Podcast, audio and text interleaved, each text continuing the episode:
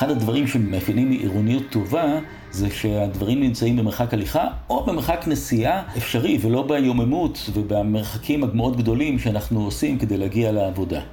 אני, אם אני קונה בטמבוריה, אני הולך ברגל, או נוסע באופניים, או עושה עם האוטו מרחק קצר, וחי לעצמי חיים יותר נכונים במובן של עירוניים, ולא נוסע עם האוטו לפעמים מרחק של 20 דקות נסיעה, שגם להם יש מחיר. יש להם מחיר של זמן ומחיר של אה, דלק. אתן מאזינות ואתם מאזינים לשיפט באוויר, הפודקאסט של שתיל על שינוי חברתי.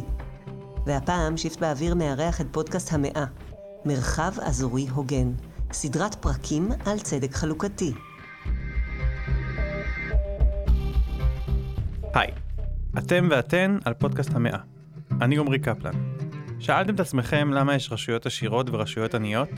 למה בעיר אחת יש רמת חיים גבוהה, ובאחרת אין אפילו פארק אחד לבלות בו עם הילדים? בפודקאסט הזה אני משוחח עם פעילים ופעילות ברשת מרחב אזורי הוגן בנגב, ומנסה לברר למה זה ככה ואיך זה יכול להיות אחרת. בשביל זה יצאתי לברר עם דוקטור יצחק אהרונוביץ', או קיקי, חבר במרכז מנדל למנהיגות מזה 15 שנה וגיאוגרף. איך עיר נולדת? כמו תינוק, זה מתחיל מקטן, מכפר שגדל וצומח עד שהופך לעיר. ככה על פי התיאוריה. השאלה, איך נולדו ההורים בישראל ובפרט בנגב? עיר קלאסית צריכה לקום באופן ספונטני, ולא באופן מלאכותי. עיר קלאסית אה, נולדת לפי כל מיני תיאוריות בכפר שבעצם נותן יותר ויותר אה, מקומות אה, תעסוקה ואפשרויות כלכליות כדי לקיים אותו, וככה מתפתח. כלומר, כל הערים הגדולות היו פעם כפרים שאיכשהו הצליחו או לא איכשהו. אז עיר נולדת בצורה כזו.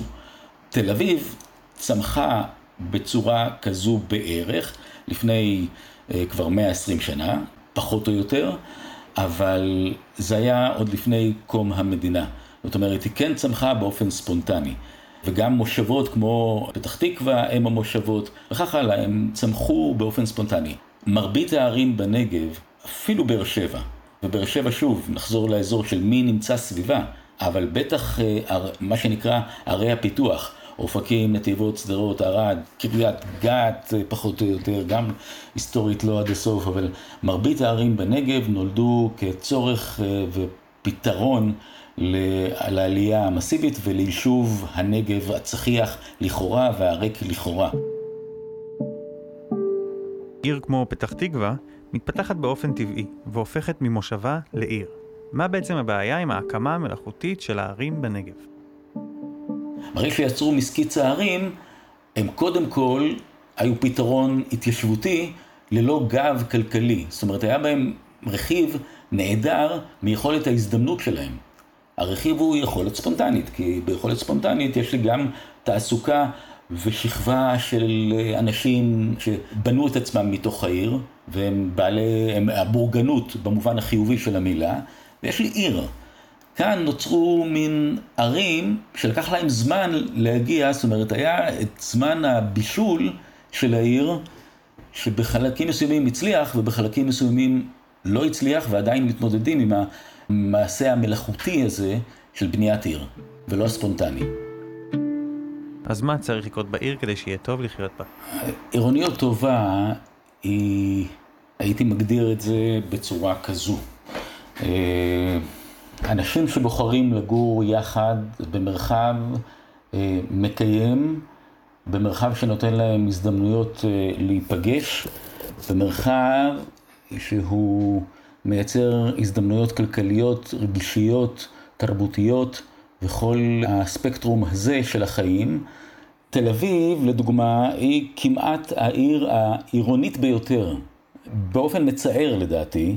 כי תל אביב לא מאפשרת לערים אחרות להתפתח בגלל דגם העירוניות שכנראה בה הוא מוצלח, אבל לא עד הסוף, כי לא כולם יכולים ליהנות מחיים עירוניים כמו אה, בתל אביב. ואני חושב שלאט לאט, לאט מדי, ערים אחרות כן מצליחות לאפשר מסגרת של חיים עירוניים, ועדיין זה נראה דהוי. ואני מסייג את כל מה שאני אומר, אני חושב שמה שנעשה היום אה, בבאר שבע, בחיפה, בכל מיני ערים בסדר גודל כזה, ובינוני, גם באופקים לדוגמה. שוב, מי שמסתובב בנגב ומכיר את הערים, יש שם אה, תחילתם של חיים אה, עירוניים, במובן של עירוניות טובה. גודל אוכלוסייה הוא הפקטור המרכזי ליצירת הזדמנויות, וגודל האוכלוסייה נכון להיום במרבית ערי הדרום הוא נמוך. הזדמנויות זה גם קרבה למוקדי כוח וגם לאינטראקציות חברתיות וגם לאינטראקציות כלכליות וגם לאינטראקציות מסוג תעסוקה וגם אינטראקציות תרבותיות. אז ממה שאתה אומר נראה שבנגב חסרות האינטראקציות שאתה מדבר עליהן. וזה מה שפוגע בעירוניות הטובה. איך אפשר לחזק את האינטראקציות הכלכליות והחברתיות שהזכרת? אז תראה, כלכלה מקומית מקיימת מייצרת אפשרויות למקום והזדמנויות במקום. זאת אומרת, אה, לא לחכות או לגרום לדליפות של הזדמנויות או כוחות כלכליים מחוץ לעיר, אלא לגרום לכך שהמקום ייהנה ויצמיח וישגשג את האפשרויות וההזדמנויות ואת הכלכלה המקומית שלו בכוחותיו. אחד המודלים הכי אינטואיטיביים ובולטים בכלכלה מקומית מקיימת זה מודל הדלי הדולף. מודל הדלי הדולף בא ואומר, אנחנו בעצם מכניסים כסף לכלכלת האזור, כלכלת העיר, כלכלת היישוב, ולא מצליחים למנוע את הדליפות ממנו. הדליפה הקלאסית, שדי ברורה להבנה, זה הנושא של אה, רשתות מזון בינלאומיות. אני קונה מקדונלד בבאר שבע, הרווחים לא רק שלא נשארים בבאר שבע, הם גם לא נשארים בישראל, הם הולכים למטה בארצות הברית, לשורת הרווח וההפסד של זכייני מקדונלד. מהצד שלי, בתור אחד שגר בבאר שבע, מאוד בולט שהביגים למיניהם נמצאים מחוץ לעיר. ואני מבין שהם קמו על השטחים החקלאיים של המועצות האזוריות שמסביב לבאר שבע. וברור שהם מחלישים את העסקים שבתוך העיר. מה הקשר בין עירוניות טובה לאינטראקציות הכלכליות והדלי הדולף שאתה מדבר עליו עכשיו? אחד הדברים שמאפיינים עירוניות טובה זה שהדברים נמצאים במרחק הליכה או במרחק נסיעה אה, אפשרי ולא ביוממות ובמרחקים המאוד גדולים שאנחנו עושים כדי להגיע לעבודה. אני, אם אני קונה בטמבוריה, אני הולך ברגל, או נוסע באופניים, או עושה עם האוטו מרחק קצר, בסך הכל, וחי לעצמי חיים יותר נכונים במובן של עירוניים, ולא נוסע עם האוטו, לפעמים מרחק של 20 דקות נסיעה, שגם להם יש מחיר. יש להם מחיר של זמן ומחיר של אה, דלק.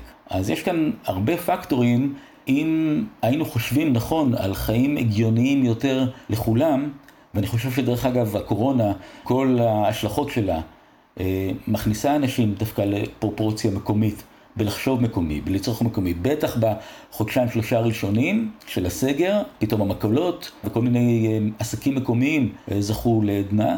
וגם בשלב כרגע, למעשה יש ארגון מחדש של המרחב. אני חושב שאנחנו הולכים לקראת ארגון חדש של המרחב ברמה האישית וברמה המקומית. אפשר היה לראות את ההיבטים הטובים שהקורונה עשתה לכלכלה המקומית.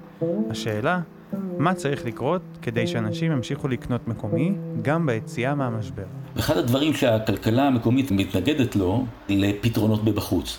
צריך להתבסס על פתרונות מבפנים, וזה נעשה, אבל בצעדים מאוד קטנים ומדודים. כי שוב, הנתונים מצביעים באופן די ברור על זה שמאזן ההגירה מאזור הדרום הוא שלילי לטובת אזור המרכז, בייחוד בקרב חבר'ה בני 20-35. אה, כלומר, ב-20 דקות רכב אתה תוכל למצוא את התיאטרון, את המסעדה, את חוג ריקודי העם, את חוג הציור, את uh, חברים טובים, את החוגים לילדים וכך הלאה, עד 20 דקות נסיעה ולא, ולא יותר.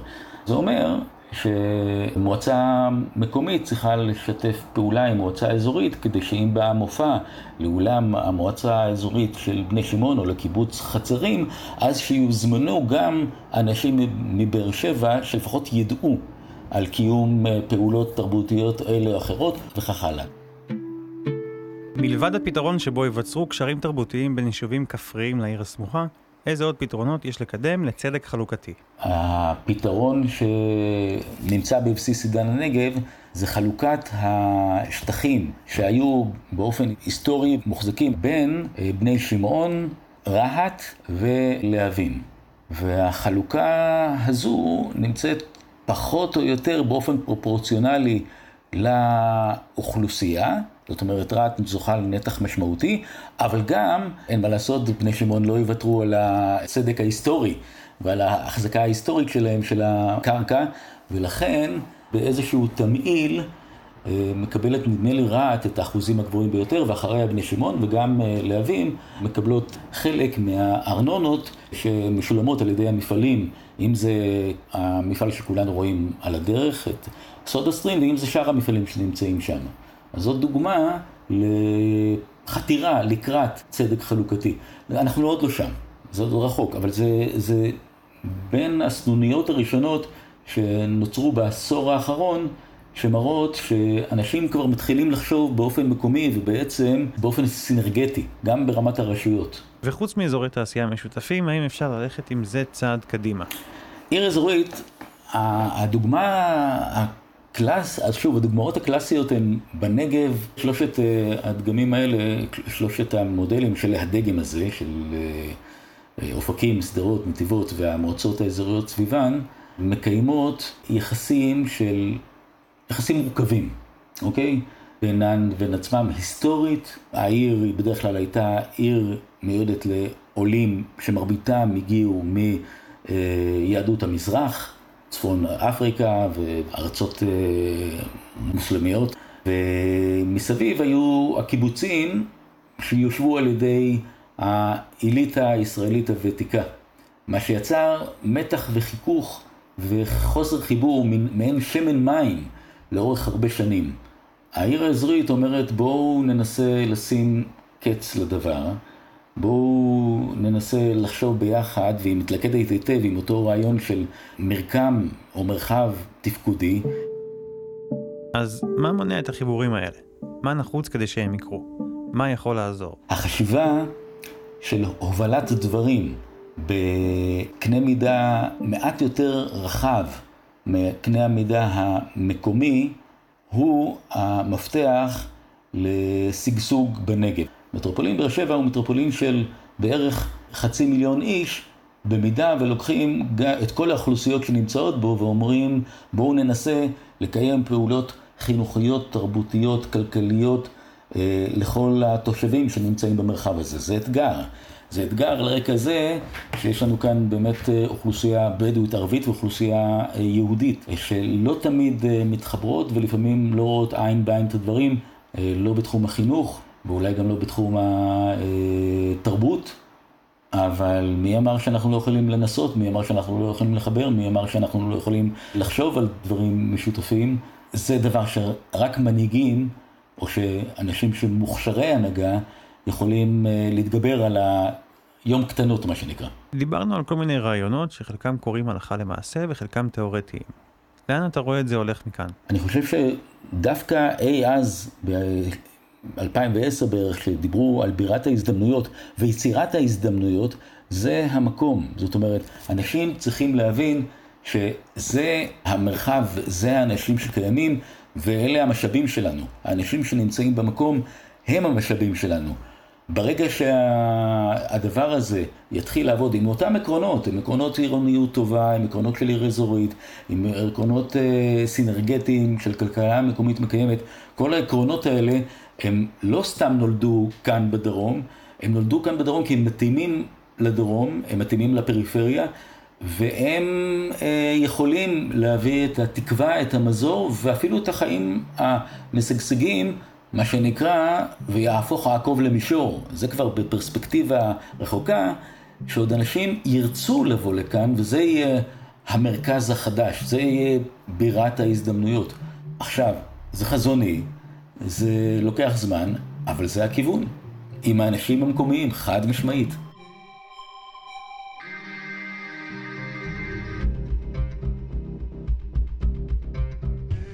בפרק הזה דיברנו על עירוניות טובה.